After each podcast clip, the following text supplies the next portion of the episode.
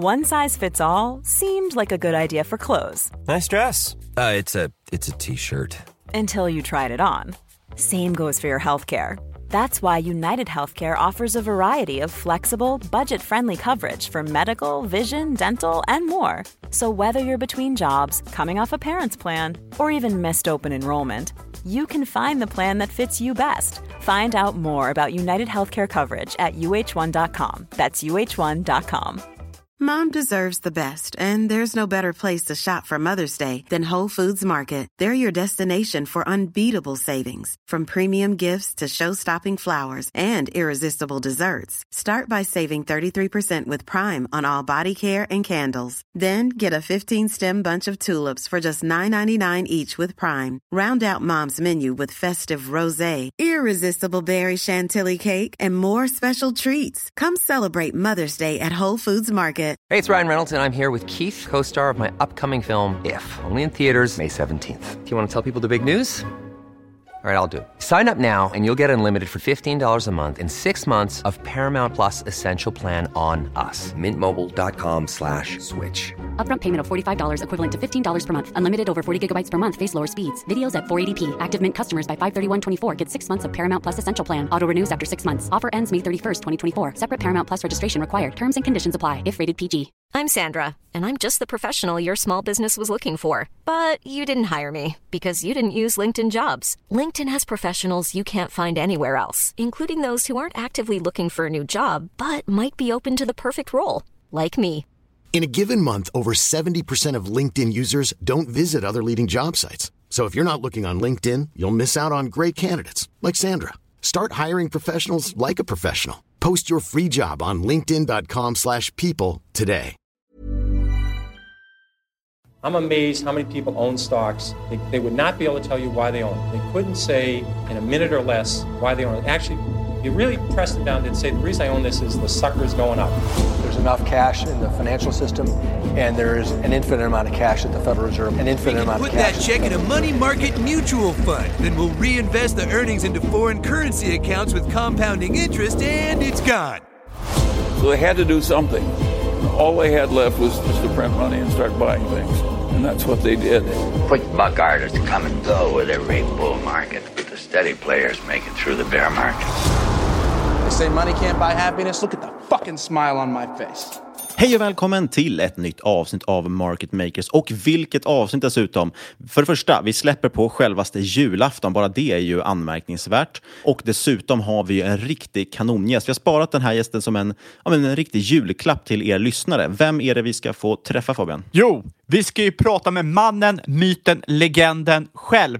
En, han har skrivit böcker som alla vi har läst. Du vet, så fort någon blir intresserad av trading eller investering, då är det hans bok man ska läsa. Vi har ju nämligen intervjuat självaste Jack Schwager. Författare till Market Wizards-serien och faktiskt ett gäng andra böcker också som också är väldigt läsvärda. Det här är en kille som varit med i marknaden otroligt länge, som tradar själv och framförallt också har ja, men intervjuat och träffat otroligt mycket eller traders med spännande historier.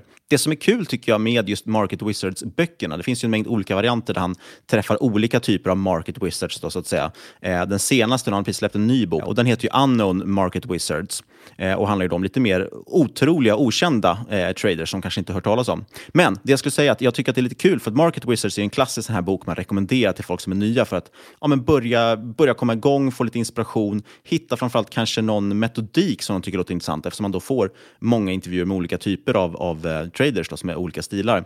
Men det är lite kul för det, det är ju mycket det här som idag är liksom Många podcasts och så vidare inom investeringar fokuserar ju mycket på intervjuer och gör ju egentligen Market Wizards i poddformat. Men han var ju långt före poddarna och gjorde det här i bokformat. Tycker det är lite kul. Ja, sen ska man inte underskatta den kunskap han bär på. Han berättar några otroliga stories i den här podcasten. Så att det var ett sant nöje att intervjua honom faktiskt. Det var riktigt häftigt. Verkligen. Och ni kanske noterade också att det kommer två avsnitt här samma dag. Och det är helt enkelt för att vi har släppt också en helt på engelska. För det är ju så, Jack Schwager, vi, vi försökte få till det här med, men han ville inte lära sig svenska. Eller han kände att det var lite tajt om tid att göra det till julafton. Så att han, han har valt att eh, svara på frågorna på engelska. Eh, och vi ställer också då frågorna på engelska. Eh, och därför har vi också gjort ett eh, avsnitt som är helt på engelska, för att vi får in några engelska lyssnare på det.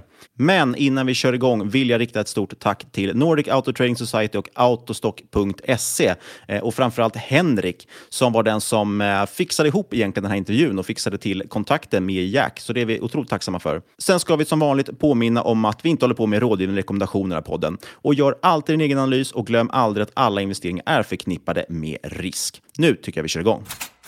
So, welcome to the show, Jack Schwager. For those of our listeners that haven't read your books or heard about you, can you give us a, a brief background on you and your book series? Yeah, sure. Uh, so, um, what I'm best known for is uh, I mean, I've written about a dozen books. The ones I'm best known for, though, is the uh, Market Wizard series, which is a series of books, the first of which, um, I mean, the first one I didn't know was going to be a series, but the first one was uh, 1989, and the most recent one just just came out November. Um, and they're basically uh, books where I interview great traders. Uh, in most cases, uh, people traders that are very well known. In this particular, in every book, though, not in every book, but in most books, I've also had people which were not known. But this book was totally focused on, on what I, well, as the title suggests, unknown market wizards. And the idea is to speak to the people who've succeeded uh, extraordinarily well in the markets for long periods of time, and to try to learn from them what what they do and how they think and what their experiences was and what lessons they have of the rest of us, etc. So, what made you interested in trading, and how did you get started? Basically, fell into it. I, I'm not one of these people who uh, had an ambition ambition to be a trader or had any thoughts of a career related to markets or anything like that. I was basically uh, just coming out of graduate school with an economics degree and was looking for an analytical job. And it so happened that the first job that I found uh, was a analyst position for a futures analyst position. Um, and uh, ironically, as it would turn out, the position that I was taking was being vacated by a fellow called Michael Marcus, who in later years ended up being the first chapter of the first Market Wizards book. Oh, so yes, I the original question I got interested in trading. So by virtue of becoming an analyst in markets, I mean once you're kind of your job is analyzing markets and making recommendations, it's a very short step to, you know, doing it yourself. And how do you find these traders, uh, the market wizards? It feels like the, especially the unknown ones, must be very hard to find. Yeah, well, let's talk about the unknown ones. I mean, this most recent one. I basically had three three ways I found these people. Uh, one is, um, well, I'm also involved with a startup. You know, on the bio I I, I only talked about the books. I've done lots of other things, but currently I'm also involved with a startup called Fundseeder.com, which is basically a platform for traders providing free analytics on perform, you know, performance analytics and stuff like that. The idea of the, uh, you know, our our purpose of providing that is not to, you know, uh, we're not a charity for traders, but the idea was to uh, uh, start to have this site which would draw traders to it uh, and build a database of hopefully uh, superior traders. We we assumed that the, the underlying assumption of the whole company was there's probably lots of traders worldwide who are extremely good, but nobody knows who they are. They don't manage any money. They're just trading their own account quite happily. They'll never have a chance to manage any money because they don't have the right pedigree. They're not in the right country or whatever. So this was a way of finding uh, undiscovered trading talent. So actually, uh, you know, a number of traders in this book did come through, you know, from Fundseeder. Uh, I also personally knew some of the traders. One, uh, the, the, chapter one, in fact, a fellow by the name of Peter Brandt, who is actually a friend, and um, I've always admired his perspectives on markets and wanted to immortalize it in a book. And so, uh, so I knew him. There were two other traders who had reached out to me uh, in the past, in the, pre, the year prior to my writing this book, for other reasons, not related to uh, the book. Uh, but I knew of them through that. And then, so again, I knew them. And I knew through meeting them for other purposes that they had extraordinary backgrounds as traders. And so, uh, so that's so that was a second source. And the third one is I just uh, used my Twitter account to say, hey, I'm doing uh, I'm doing a book on great trade on on undiscovered uh, great traders. If you know anybody who uh, is uh, who has a superior record of at least ten years, uh, um, exceptional record or whatever word I use, but superior isn't strong enough of a word. Um, you know, let me know, or or if you are one, let me know. And I got many hundreds of, of uh, responses. So, could you share with us some of the uh, the probably the most surprising stories? Yeah, because in your new book you have many maybe unlikely characters who became successes. You had Jason Shapiro who blew up his million dollar account multiple times a guy trading through social media. You have a bellhop in Czechoslovakia who's day trading stocks. You have a tennis player. You know, you have Peter Brandt. Yeah. What do these people have in common that makes them uh, stock market wizards? Well, um, first of all, it's not the methodology because people you're referring to have totally, totally different methodologies. So uh, that's that's certainly not it. One thing they all shared is they have very good risk management processes uh, for, you know, I would say, with one exception in his book, uh, risk management is an extraordinarily critical part of their approach.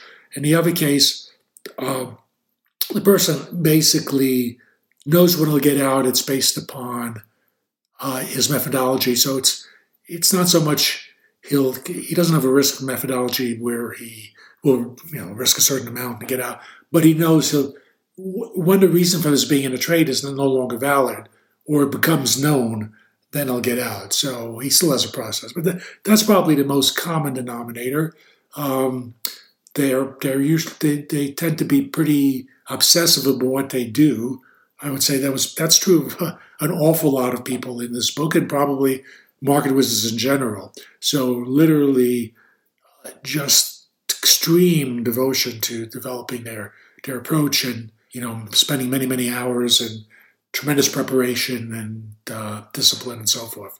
So it's not a casual thing, you know. Uh, they're not these traders aren't traders who just kind of sit at you know look at the screen and say, "Oh, I'm going to buy this, I'm going to sell that." You know, that's not their. That's not. They they've really done a lot of preparation and work uh, uh, behind the trades. If we switch perspective and look at, have you met some awful traders, and do you see any defining traits for what makes a bad trader? Oh, sure. And I often ask, and you know, it's not so much I, I, I meet awful traders. It's, uh, I mean, most people aren't good traders, you know, if they're just ordinary people. Uh, but I ask the people I interview a lot of times what their experience is with, with people who, what what's the difference between you know winning and losing? You know what what characteristics losing traders share, and I also have my own perspectives. But uh, there's lots of things. So I mean, this is only like a, a very partial list.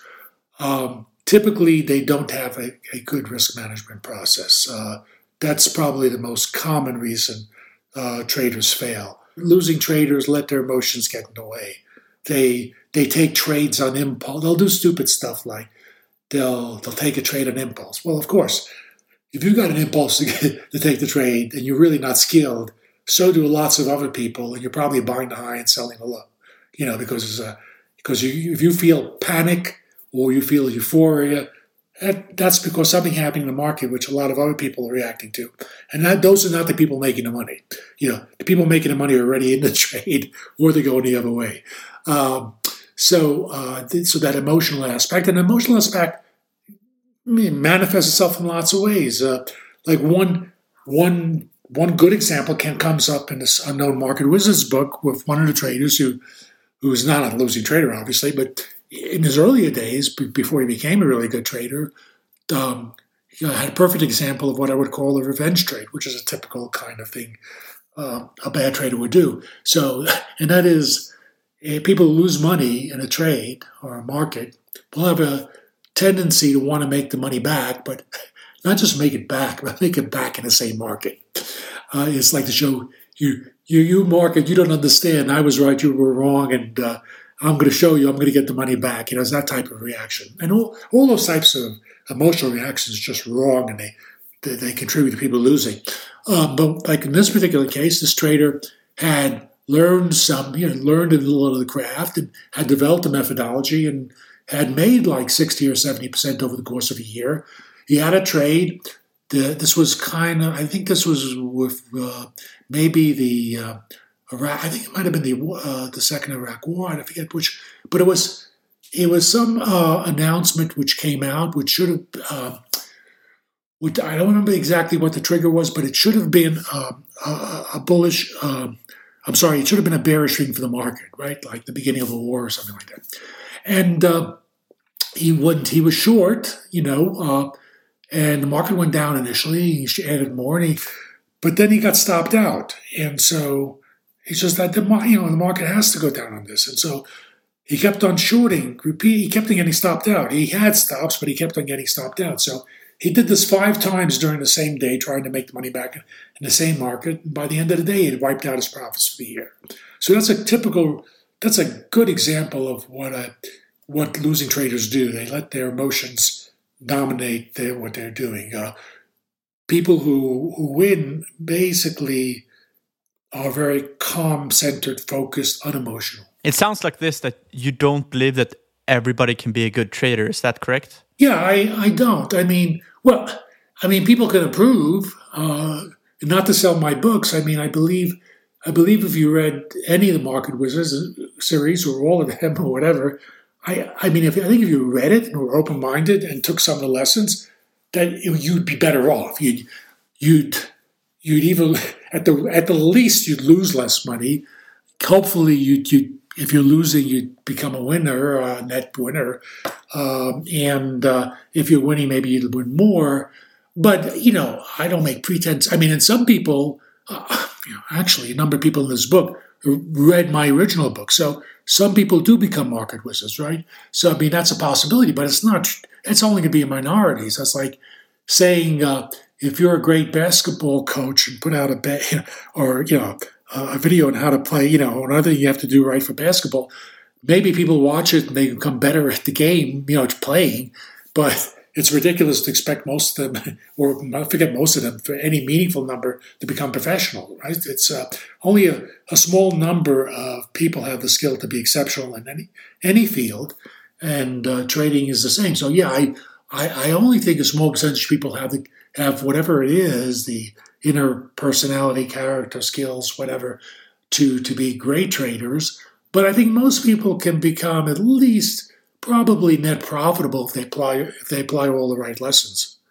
I I listened to an old interview of yours where you I forgot who you quoted, but you said human nature is so poorly attuned to trading that most people do worse than random. Why is that? Yeah, so that first of all, I was quoting Bill Bill Eckhardt, and who said, like you say, our human. His point was that we have evolved to be, uh, you know, through evolution, you know, we've evolved to seek comfort. You know, humans seek comfort. That's just, you know, whether it's, you know, shelter, warm food, sex, anything, and it's always seeking comfort, right?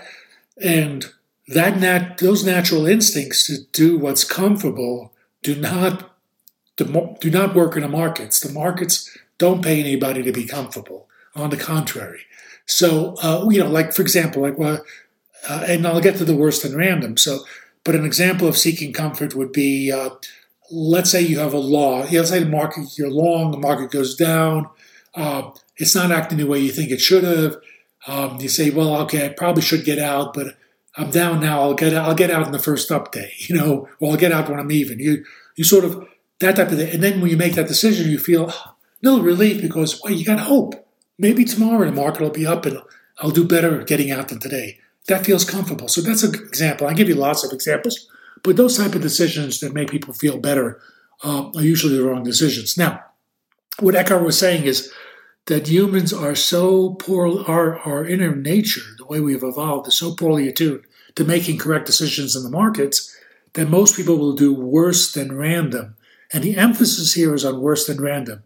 So he's not merely saying, like the popular thing about, well, you could take a monkey and have the monkey throw darts at the Wall Street uh, quote page, you know, stock page, and the picks, you know, those darts will do, the monkey will do better as well, not better. The monkey will do as well as professional money managers.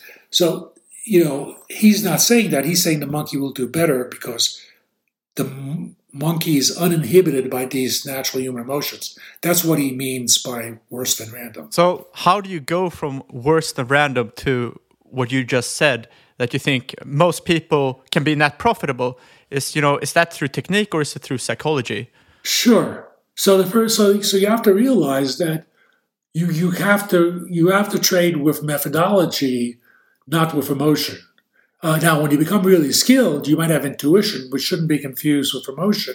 That's because you have a lot of experience, and consciously or subconsciously, you may see something and it reminds you of something, and you think the market's going up. Now, it's not mumbo jumbo. It's because you've seen it in your past ten other times, and you kind of know at some some level, and you you kind of experienced it, and so you have this instinct to do it, even if you don't connect the reason why. So that interest, I'm not talking about intuition, but I'm talking about the emotional stuff that we that we gave. I gave examples about before. So the, the, the first thing is you've you've got to you've got to develop a methodology that has some sort of an edge, because if you don't have a methodology that has an edge, there's no reason why you should make money. I mean, there's just absolutely no reason at all. So that that's a process of work and discovery. Not everybody's going to come up with something, and but but that's a starting point. So you have to have that. You have to get rid of emotions uh, by um, trading from a plan. You know, you've you've got a methodology. You trade with your plan.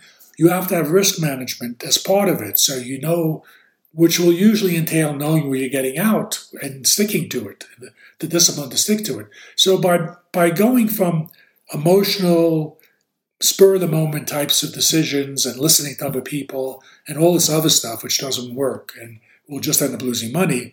You go to where you've developed a well defined methodology that has an edge that you have the discipline to stick to, and that is, and part of methodology is a very rigorous risk management process that assures you won't lose too much on any given trade or beyond a certain amount on, on an aggregate number of trades. So that's that's part of the process.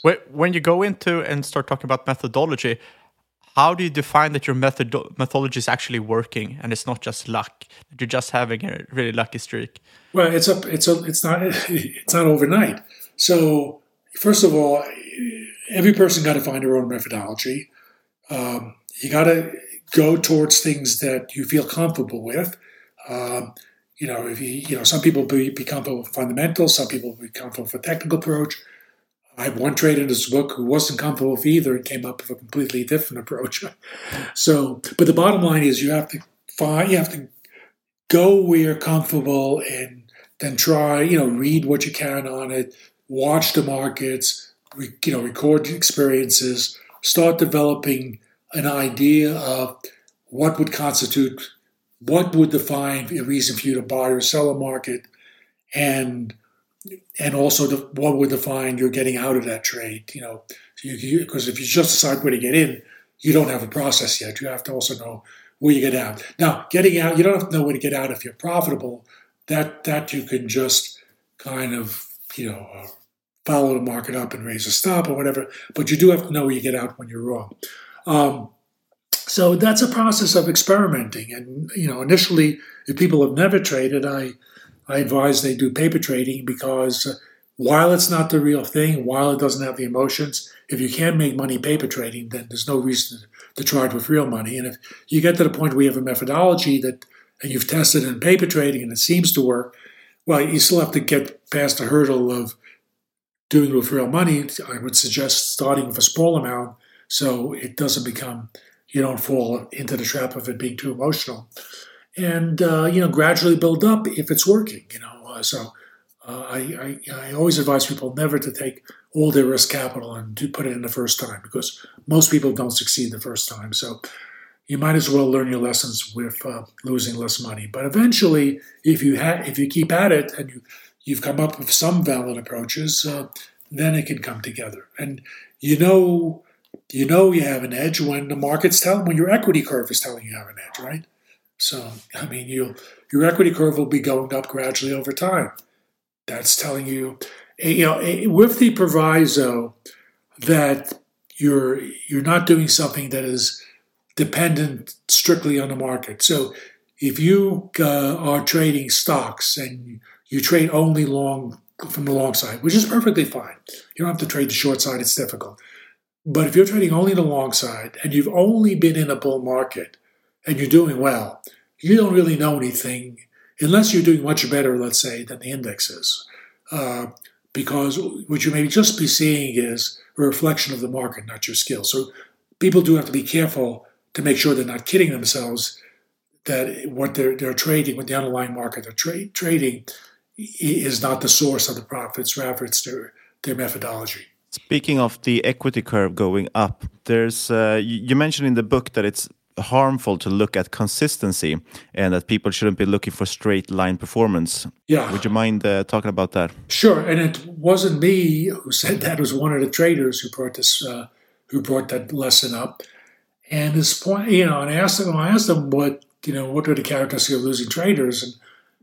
And what he said was, ironically, one of the one of the traits of, of and, and this is a fellow who for a number of years worked in, in a prop shop, so he saw a lot of traders come and go.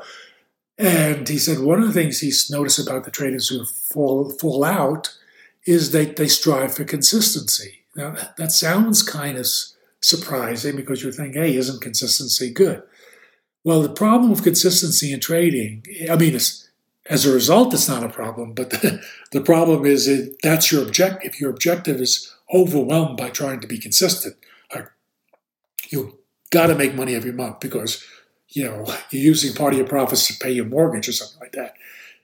That type of that type of objective consistency is harmful because the markets don't really care about what you want, uh, and the markets, whatever your approach is, there are times when the markets are going to be very amenable, and there are times when the markets are just not going to give you any good opportunities, or your approach is not going to work very well. But bottom line, the, the market environments change, and the uh, the favorability to your approach can, can, can be radically different in, different time frames. So you could go through a period where the markets are just not favorable for what you're doing.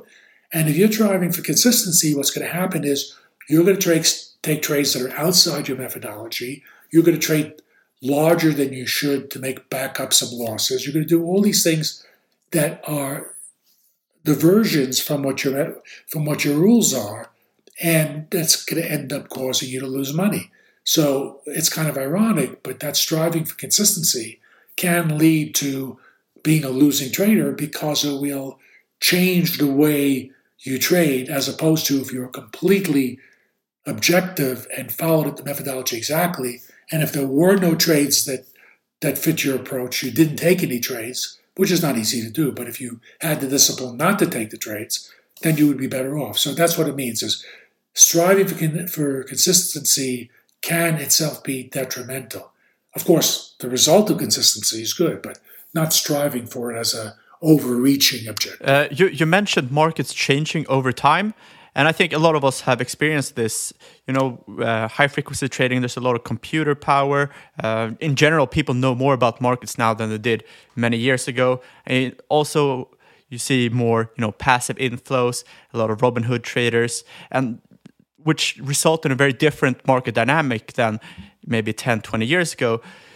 Do you think that early market wizards have a very different set of skills than newer ones? No. Um, you know, the again, the methodologies are always different. And, you know, whether from, from, from in any book, the, the traders have all different methodologies anyway. So it's always been, it's always different for different people. It's different in different times. There are methodologies which are possible now because of computers which weren't possible, let's say, 30 years ago. But but those are not the you know people will will develop whatever their methodology is. The the, the what takes this what what makes traders profitable, those characteristics don't change. I mean, yes, the markets have changed dramatically. We don't we have electronic trading instead of pits. We have we have tremendous computing power, uh, both in terms of you know supercomputers. You know, for those firms that might need that type of processing power, but even down to the simple PC having enormous computing power compared to what you know what existed. In fact, PCs didn't even exist when I did, the, you know, for the track records that were formed by the original market wizards. I mean, they existed when I did the book, but during their history of trading, a lot of that was pre-PC. So yeah, there have been enormous changes, uh, and of course you have the high frequency trading, et cetera, et cetera. But the skills that successful traders demonstrate don't change. I mean, you you know they still risk management was important 30 years ago is important 100 years ago. It's important now. It'll be important 50 years from now. You know, so those type of things don't change. Uh, the need to be very disciplined uh, doesn't change. The the ability to be flexible and whatever your methodology is, if it if you're wrong, to be able to to admit it and get out.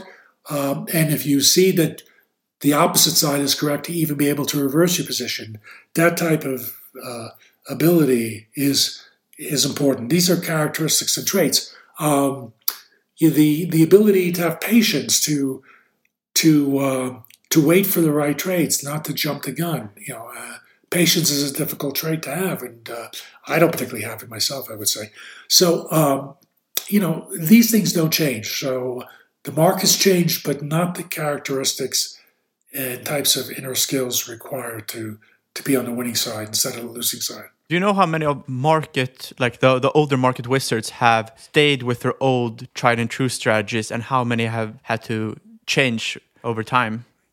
I, yeah, I don't know that as a statistic because uh, I don't, I, you know, in most cases I haven't maintained contact with people I've interviewed. Uh, and even if I did, I wouldn't necessarily have that statistic. But I do know in the process that that people, you know, the, the approach has changed. They need to change. Because uh, things that used to work can stop working. Uh, I've got an example. There's actually one systematic trader in this un- unknown market wizards book um, who, well, he, you know, he came into trading. He wasn't a trader by desire originally or anything like that. He was actually a software, you know, developer, and it's through software that he got into trading. Uh, but once he did, sort of, he used his software skills, and and so he's developed many systems over the years, and he's, he keeps every system he ever developed, so he can he can pull up on his screen instantaneously. We're talking about any system he traded in a given year. He can pull it up. You can see how it did up to when he traded, how it's done since then, and so forth.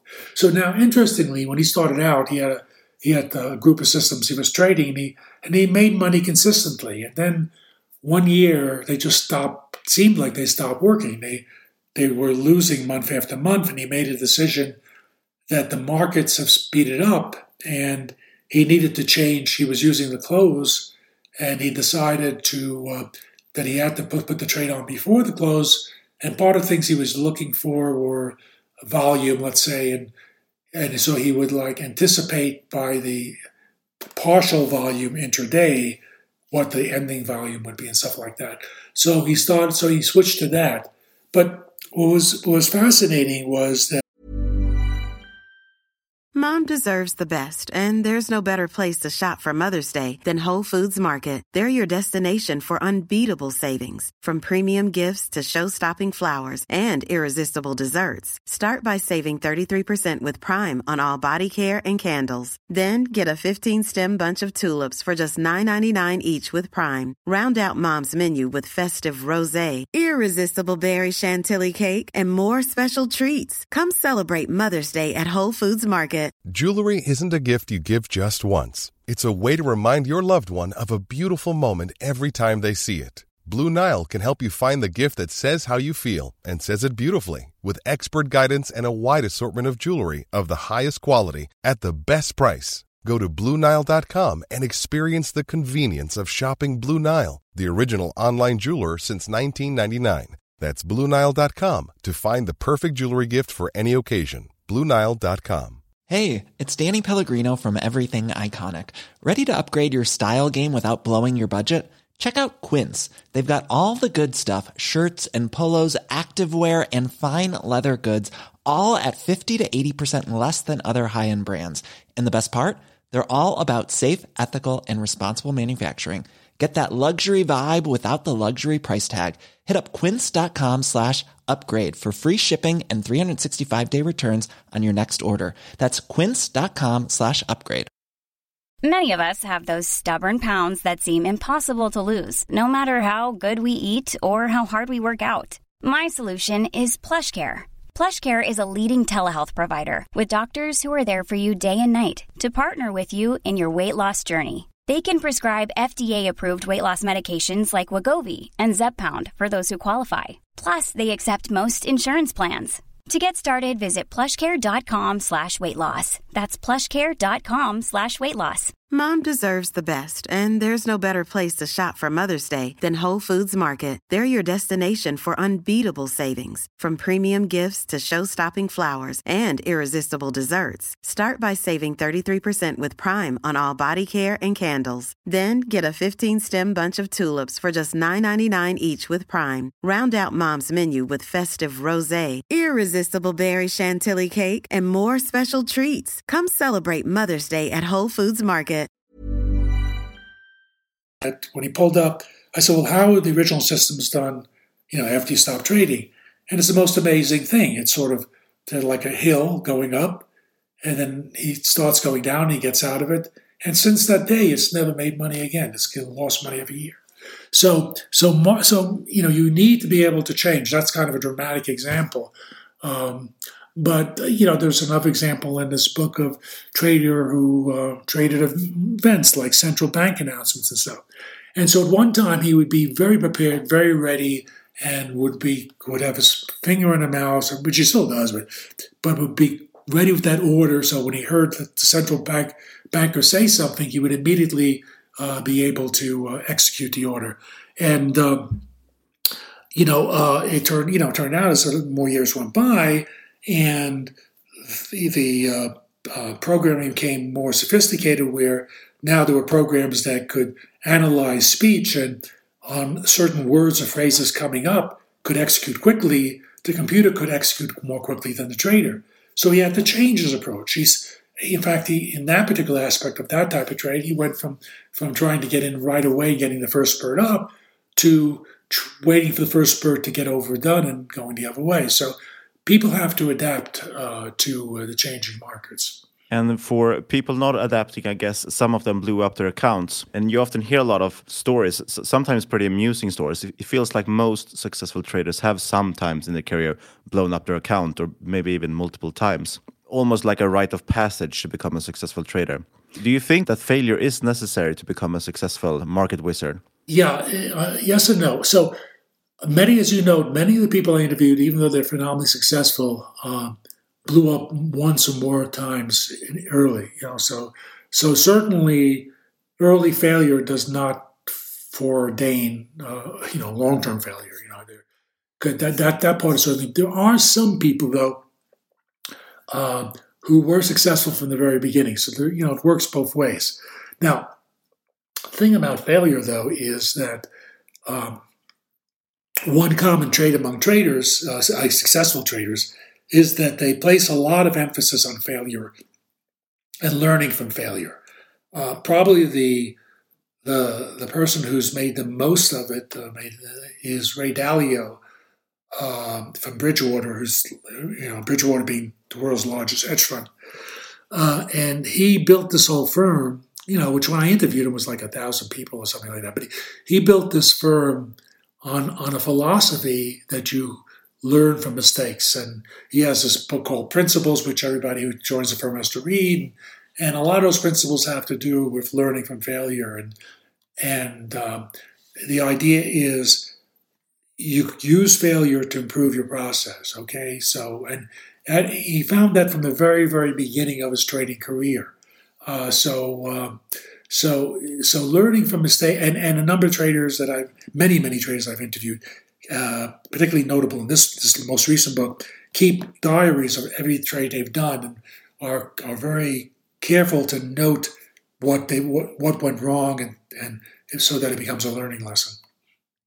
I mean, you could say that failure is how traders become better. You know, learning from failure, I should say, is how traders become better traders on that topic, what do you think defines a good trader and a great trader? What's the difference? Well, you know, I think part of it is just um, some people, I think, have just an innate, just an innate talent for it. Uh, just, just they're just able to hone in on the market in a way that most people aren't. Uh, and uh, I mean, I can think of go back to my own experience uh, as a back in the my beginning of my my career, um, this is way back in the early '70s. uh, this is when Marcus, when I took Mark Michael Marcus's job, he still was in New York. He left to become a trader, and uh, we would, I, uh, you know, we talked when we, when I, when I was moving in, he was moving out, and we stayed in contact, and we we would get together for lunch, you know, uh, every few weeks and so forth. Like, so we kept we kept that contact, and we talked markets, obviously. Now, I remember I was uh, at that time one of the markets I covered was cotton, and I was, you know, I was a, supposedly a cotton expert, and I did what any economist would do. Uh, you know, or an economics trained uh, person would do. So I went through and I, I looked at all the markets uh, in that post World War II period, and I did all my analysis and whatever.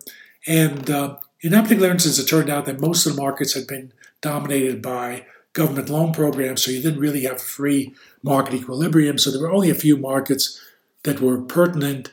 But of those markets, I, I assessed that the current year was was like the most bullish of any uh, in the post World War II period.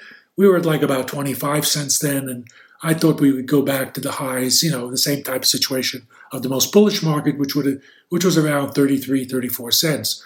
So, and and once it got up to there, uh, I kind of thought that the market was getting sort of over, you know, overdone and would would would be vulnerable. Well, Mike, I remember speaking to Michael, who didn't do all this analysis, but um, he could. Michael had the skill to like look at a hundred different things and know which one was important, and he recognized that that year was the first time the PRC, China, uh, at that time, PR called People's Republic of China, um, was uh, buying American was buying cotton in in for the first time, and they were buying in large amounts. And he recognized that that was the the key factor. So it's that type of skill. So I looked at everything, but he understood that that was the key factor, and he said, "No, Jack, this market's going a lot higher." And uh, you know, ultimately went to ninety nine cents. Uh, so you know, he was totally right. I was I was obviously wrong. I mean, luckily, I didn't. You know, I, I, I didn't have money to. You know, in fact, I went short. I remember at 33 and didn't have enough much you know, enough money, and luckily, I had so little money. I got stopped out because I didn't have any more funds at 35. Fortunately, uh, so uh, you know that's a, an example. So it's something that he has. It's like an innate skill to be able to identify what is the key factor. Uh, so I don't think you know that's you know that's why I would answer that. Speaking of your trading, you've written books on fundamental analysis, technical analysis, futures trading. What, what kind of trading do you do yourself? Yeah, I ultimately evolved to uh, technical, uh, well, technical for a long time now, uh, and and now really just charts. So all I use is charts, and uh, I just pick. Uh, and I'm not, I'm not a trend trader. I'm not a counter. I'm, I'm actually I am I can trade with the trend. I can trade counter trend. I'm just looking for, you know, uh, chart points where I think the odds of the market either, you know, going in a in the same direction or reversing direction are, in my mind, greater than 50-50. Uh, I think it's a spot where the market will either reverse, or when I say spot, I don't mean necessarily an exact set, but if I have a little zone that I expect either the market will reverse, or I believe that the market is is, let's say, consolidating and will continue out in the same direction.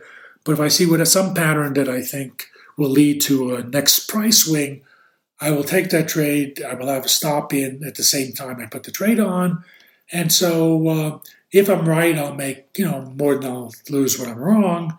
And if I'm wrong, I'm out at a, you know, a predetermined amount of loss.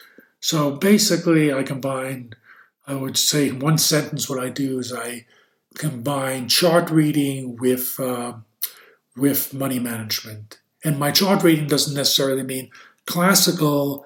I mean, I sometimes will will trade opposite a classical pattern because I think you know the market has just failed the classical pattern, and that itself is a signal. What kind of markets and instruments are you trading? Uh, I trade well. I trade futures mostly. Lately, I've been trading a lot of stocks. Uh, uh, so from time, you know, so that sometimes I'll trade stocks uh, a lot, uh, but most usually it's mostly futures, uh, and I will trade options in, in, in both those markets as a as an extra tool, and that's basically that's basically it. If we look at all of the markets wizards you uh, interviewed and all the traders you met as well, do you, do you see more people leaning towards technical analysis, for example? Uh, no, I don't know. It's hard to say. It's not a. It's not a scientific sample. So uh, I I run into tr- people doing fundamentals and technical all the time. So and sometimes combination of the two. So I don't know if there's. Yeah, I would say pro- certainly chart analysis, technical analysis has become much more popular, eh, you know, than it used to be, you know, dec- many decades ago. Uh, where the balance is now, I don't know. Being a trader yourself and having interviewed, you know, hundreds of uh, very successful traders, what is your take on effective markets? On, on what kind of markets? Yeah, like the efficient market hypothesis. Yeah, no, I don't think the markets are efficient. In fact, I wrote a book uh, called Market Sense and Nonsense. I've got an entire chapter uh, of why I don't think they're uh, they're efficient. Uh, so part of those reasons are are kind of you know, philosoph- theoretical reasons or philosophical reasons, and some are just empirical. You know, so uh, for example, um, you know, I've interviewed traders who's who have track records that just are beyond the realm of possibility in um, in terms of you know, markets being efficient. For example, the one I like to use is Ed Thorp, uh, who maybe is known to most of the world because he wrote this book, Beat the Dealer. He's a mathematician, uh, uh, and uh, he developed many. Uh, he ran two hedge funds. He developed many. He was the originator of many strategies. He actually was the. He actually this kind of worked out the Black Scholes model in a slightly different format, but equivalent format as the Black Scholes many years before they published their famous paper and was using it to make money. I didn't publicize it, and he did a lot of other things. But anyway, the first hedge fund he ran was 19 years. Yeah, and he had three losing months. He had three losing months in, in that entire period. And, um, you know, it turns out those losing months were all less than 1%. So his gains were larger than his, his losses, obviously. Uh, I did a probability calculation on, you know, what what it was you know I made the simplifying assumption that his gains were equal to his losses, which is conservative because his gains were larger. But that's equivalent to saying what's the odds of getting uh, 225 heads out of 228 tosses, and that probability is uh, the number is so so so small that people can't relate to it. So I came up with an analogy and uh, the analogy basically is uh, you, if you pick an atom in the entire mass of the Earth, and then randomly pick one another atom randomly, and you end up hitting the same atom, that probability is larger than his record. So you've got you've got empirical proofs of things that are impossible. Then you've got uh, Richard Thaler, who's a fam- famous pioneer of behavioral economics, had this wonderful proof, not proof, a wonderful example. Uh, there was a closed-end fund that had the uh, ticker symbol CUBA, Cuba, which is um, it's it basically uh, they they they hold uh, Central American uh, uh, stocks and maybe South American too, but anyway, the ticker symbol is CUBA. Well, any uh, most closed-end funds trade at a discount. Don't, we don't need to go on the tangent on that tangent uh, in this in this short period. Let's just take that as a given. And like, like a typical closed-end fund, this was trading at about a 15% discount. Uh, then one day it went from a 15% discount to a 70% uh, premium. And so what happened? You know, the, you know that's that's extraordinary. That what that means it goes from the value of its portfolio was trading the value of its portfolio it was trading 15% below the value of its portfolio. Then the next day it's trading 85% higher than the value of its portfolio. Well, what the hell happened? Well, what happened was that President Obama announced we were going to move towards normalization with Cuba. Now, the, the funny thing about this is that there are there are no stocks in Cuba, so obviously they didn't hold, have any holdings in Cuba. And you know, even if there were stocks in Cuba, the the law wouldn't have permitted you know any American you know company to invest you know in, in Cuba. So it was preposterous. Of course, it went back down in like a day or two later. But those type of things tell you that the markets can't possibly be efficient because that those those are empirical proofs. Like there, I got many others. But then there's other things like just the, the reason people get it wrong. Um, you know, people say, you know, well, the theory says everything is known and any new information, you know, everybody has the same information, and any new information is instantly known. So how could you possibly get ahead? Well, that's like saying, you know, there's a there's a chess tournament, and everybody knows all the rules, and everybody knows has all the chess books. So how could anybody be better? Well, obviously, you got people who can who can crush everybody else because they're just more skilled. It's not that they know something that you know nobody else knows. It's that they're just more skillful in applying what the knowledge is. Same in markets, and there's many, many others. Like I said, I got a whole chapter on it, but the, the short answer, no, I don't believe in the efficient market hypothesis. Although I should say that the markets act close to like they're efficient, and for people who are not skilled, they would actually be better off investing as if they were efficient. So, in other words, for most people who have no skill in, in the markets, investing and trading, their best their best their best decision is probably buying a low cost uh, index fund and holding it for 30 years. You know, uh, that which is the epitome of what you would do if the markets were efficient. So it's kind of ironic. For most people, are actually better off acting as if the markets were efficient, even though I think there's incontrovertible proof that the markets are not efficient. You don't believe that anyone can take advantage of an inefficient market? No, you know, you know why? I'll give you a uh, simple example. One of the reasons for inefficiencies is the thing that's left out of all the mathematical models because it can't be modeled is human emotion, and and so I, I use an analogy when I give talks. I put up a, a recipe for chicken soup, and I got a bunch of ingredients. I ask people, "Can anybody tell me what what ingredient is missing?" and the missing ingredient is chicken. And usually people spot somebody spots it. And and my my my, my point is that the efficient market hypothesis is you know is a theory of markets like a chicken soup recipe without the chicken. Well, what's the chicken in the markets? The chicken in the markets is, is human human emotion. So, for example, when you have internet stocks in the late nine, you know late 1990s go up 600 percent, literally in a year and a half, and then they, they went, by the way, they went all the way back down the next year and a half. But when you have that type of thing happen, well, you could you could see there are companies that should have no reason trading at anything of value, let alone go from 10 to 200. You could see that, and you can be 100% right, but you can go broke trying to short it.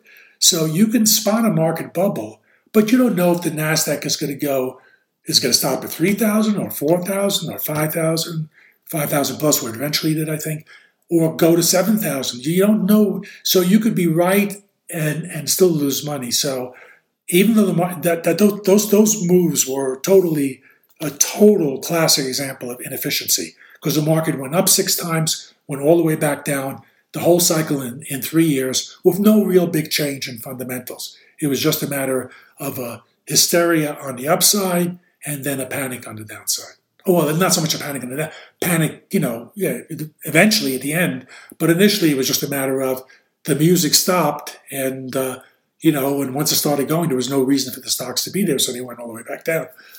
Um, so that's why it's you can you can have an efficiency, but it may be very difficult to exploit. Speaking of the late 19s, what is your take on today's market with the SPAC craze, IPOs, and, and tech stocks without profits and sometimes even without revenue? Yeah. Um, well, it depends on the individual. It depends on this particular situation. I don't think, I don't think today compares. I don't think you have anything like uh, you had, let's say, in the late 1990s. I don't think it's that type of situation. Uh, you can certainly make a case for markets being, stock market being highly, highly priced. I mean, that's certainly true. Um, but it's not. I don't think it's necessarily a bubble situation. Um, I think it's more a situation where theoretically you could get a correction, but I don't think I don't think you get a, a, a, situation where you would go like all the way back down to where we were in March type of thing. So I don't think it's the same exact same type of thing. Uh, we have a question from a listener, uh, gaming investor, and he asks, "How does a trader develop an edge in the market, and how does one distinguish this as a consistent edge uh, against if it's luck, survivorship bias, or just the current market climate? Yes. So since everybody has a different methodology, there's a million different ways to come up with it, uh, and there's no formula for it. You know, Uh, if anybody's telling you there's a formula, I wouldn't believe it. Um, and like I said before, the way you know it is over time. Unfortunately, trading is real time. You can't speed it up. I mean, you can do simulations and historical things to see if it worked, but it's still, you have to see it executed in real time, and that's a slow process. So, as you're trading, if you're making money, you could build up the commitment to that slowly, but it's just a matter over time. So, for young listeners who are just starting out to trading, what's your best advice to them? Okay. Uh, first of all, you have to discover you have to discover what your approach is. Beginning the beginning process would be to read, just you know, find you know, you know, look at books, look at lots of market-oriented books, and see what seems like it would be interesting, and try reading those. Try, you know, you have to discover what area you want to focus on. So there's no way, no, you can really do that necessarily without at least reading. So it's not like you're reading to necessarily copy somebody, but it's to get ideas. So so just reading broadly on different books about markets, different uh, trading, etc., is a beginning process. And then with that background knowledge, watch markets and try to take take ideas that you've gotten and experiment and uh, and empirically try to develop some sort of method. And once you're ready, like I said, the next step would be try applying it using paper trading, or you can, know, like a lots nowadays you can do this electronically and have an account that trades fictitious money, and that's probably the easiest way to do it. It's not the same thing because the emotions aren't there, but at least you could see if the ideas you have work or don't work. Uh, if they do work, then start with a small amount of money and start, you know, I so two things about this uh, uh, about starting. You start with uh, less than all your risk capital because you don't want to blow it all on, your first uh, endeavor because odds are most people are not going to do well first time around. And second thing is whatever amount you start with. Uh, let's just say somebody starts with hundred thousand dollars. You want to pick some number where if you lose that amount cumulatively, the day that happens, or the you know, let's say you do it on a closing basis, the day you, let's say you decide you're, you're willing to risk 20% of that, the day your account closes below $80,000, the next morning you just liquidate everything. So uh, it basically limits you from blowing too much money uh, at one, you know, on the first try. And it also means that if you're, if that's been your experience, you're obviously not, you're, you're doing something that's not right. So you might as well go back to the drawing board and do some more work. So, uh, and then once you do start, and if you get ahead by a certain amount, then my advice is bring that type of liquidation point to break even, and eventually to something higher than break even, and um, and just gradually build as you're successful, rather than trying to do what people do out of greed, which is well, you know, thinking will be well I'd rather have more money on because if I'm right, I want to make more money. But that's the wrong way to think about it. The way to think about it is if you have too much on in the beginning, you greatly increase your odds that you're, to, you're not going to succeed, that you're going to blow out. So better to start with a smaller amount and gradually build it as you prove you're able to make money in the markets. That's the whole process in a nutshell. You mentioned books. Do you have any books you, you would recommend to our listeners? Well, you know, um, not to. Besides, I'm not going to recant my my own out of self interest, but um, basically, I, mean, I haven't read a lot of market books, but the couple that I would recommend are uh, Remin- which a lot of people I've interviewed have recommended, which is Reminiscence of a Stock Operator, which is a book 100 years old and it, markets are different, but some of the ideas there are classic. Uh, and uh, for people who uh, I think just for general risk management and chart kind of uh, information, uh, Peter Brandt's Peter Brandt wrote wrote a book called I think uh, Diary of a Commodity Trader. I forget exactly, but just go a I think in Diary of a Commodity Trader. But he, he basically noted all his trades for a year, and so you can see how he thinks and how he manages money. So I think that's a good book. Uh, actually, a number of traders in this in my most recent book even though they were fundamental traders, he still cited Brandt as an influence for the money management factor. Um, there are lots of books that are, you know, good books about markets. not necessarily books that'll make you a better trader, but you know, like uh, you know, when genius failed is a great book about the uh, by Lowenstein, a great book about uh, long-term capital, and there are lots of books like that are really good books, but they're not necessarily if your goal is to to learn how to trade. Those books don't necessarily teach you how to learn how to trade. So, um, and, and, like I say, I myself, uh, yeah, I, I actually haven't read a lot of you know market books, and so it's hard for me to to recommend any we will put uh, links anyway to the books you mentioned, and we will also, of course, put a, a link to your books. Uh, and I and I strongly recommend as well to to read, especially the first Market Wizards, and of course the new one as well. I, I think it's especially a good way to, just like you mentioned, to to try and find a style that attracts you, basically. So one uh, final closing question that we always ask our uh, uh, guests. What was your best and worst investment, and what have you learned from those experiences? Okay, uh, so the worst one is hard. There's probably a couple, but I, I, I mean, the one that sticks the most in mind uh, is um, well, actually, it's a prelude. Well, okay, so there was at the point I don't remember how many years ago, about five years ago, roughly. I don't remember exactly, but I had had a position in FXI, which is the Chinese uh, ETF, and uh, had had it, I, you know, from earlier on, and sort of had a good, really good profit in it uh, I wasn't necessarily thought it was a top or anything, but uh, on the other hand, other indexes are going up, and I, at the time, I thought retail, the retail index seemed kind of high priced, and um, I saw what I did is I went short an equivalent amount of dollars on the retail index um, uh, ETF. So uh, I effectively there was was was long FXI and, and short the uh, the retail uh, uh, index. And one day, the FXI was down 2% on the same day the retail index was up 2%. Now, the mistake wasn't being in a position. The mistake was what I was long in was the weakest, you know, uh, sector, and what I was short in was the strongest sector. And I knew better, and I kind of certainly noticed it. But the only thing I could have done right at that point was just to take the 4% hit that day, you know, in that combined position. And I procrastinated for about a week or two and I eventually got out. But that was a, that, that was like the stupidest, worst mistake I can think of because I knew that you want to be you want to be long the strongest, short the weakest. And I was exactly the opposite. I knew enough to know I was on the wrong side.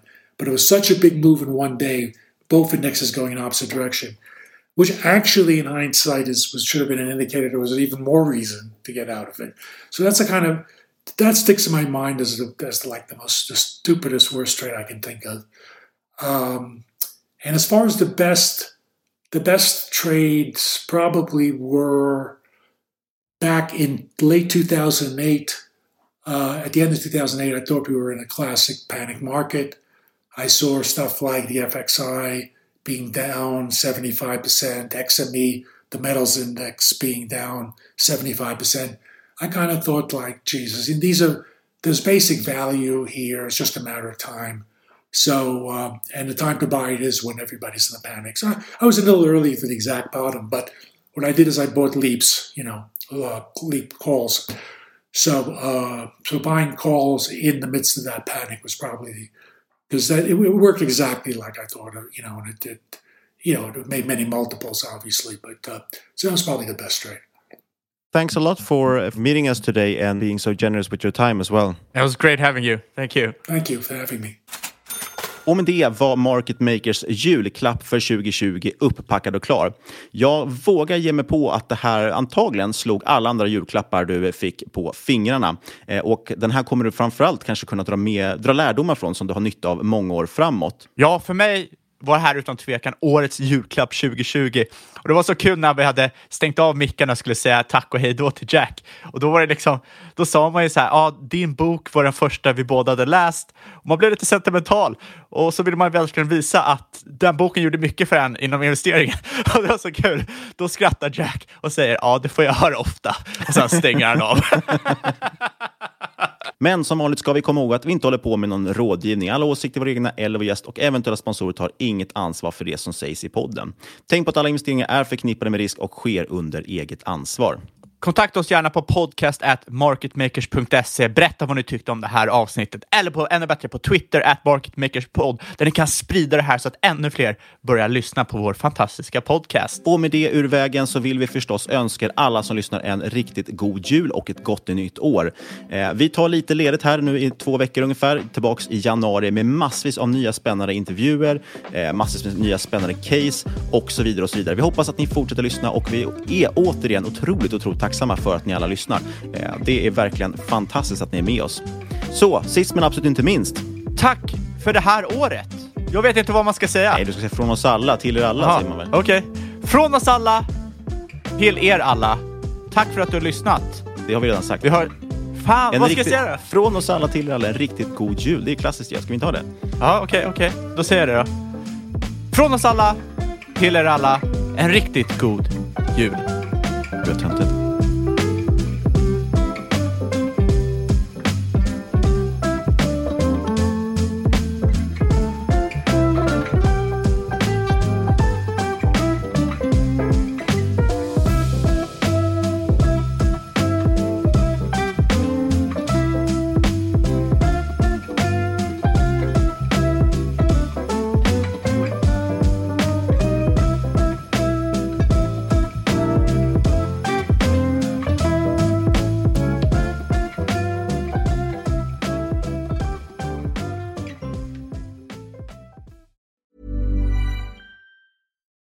I'm Daniel, founder of Pretty Litter. Cats and cat owners deserve better than any old fashioned litter. That's why I teamed up with scientists and veterinarians to create Pretty Litter. Its innovative crystal formula has superior odor control and weighs up to 80% less than clay litter. Pretty Litter even monitors health by changing colors to help detect early signs of potential illness. It's the world's smartest kitty litter. Go to prettylitter.com and use code ACAST for 20% off your first order and a free cat toy. Terms and conditions apply. See site for details. Planning for your next trip? Elevate your travel style with Quince. Quince has all the jet setting essentials you'll want for your next getaway, like European linen, premium luggage options, buttery soft Italian leather bags, and so much more. And is all priced at 50 to 80% less than similar brands. Plus, Quince only works with factories that use safe and ethical manufacturing practices. Pack your bags with high-quality essentials you'll be wearing for vacations to come with Quince. Go to quince.com slash pack for free shipping and 365-day returns. Mom deserves the best, and there's no better place to shop for Mother's Day than Whole Foods Market. They're your destination for unbeatable savings, from premium gifts to show-stopping flowers and irresistible desserts. Start by saving 33% with Prime on all body care and candles. Then get a 15-stem bunch of tulips for just $9.99 each with Prime. Round out Mom's menu with festive rosé, irresistible berry chantilly cake, and more special treats. Come celebrate Mother's Day at Whole Foods Market.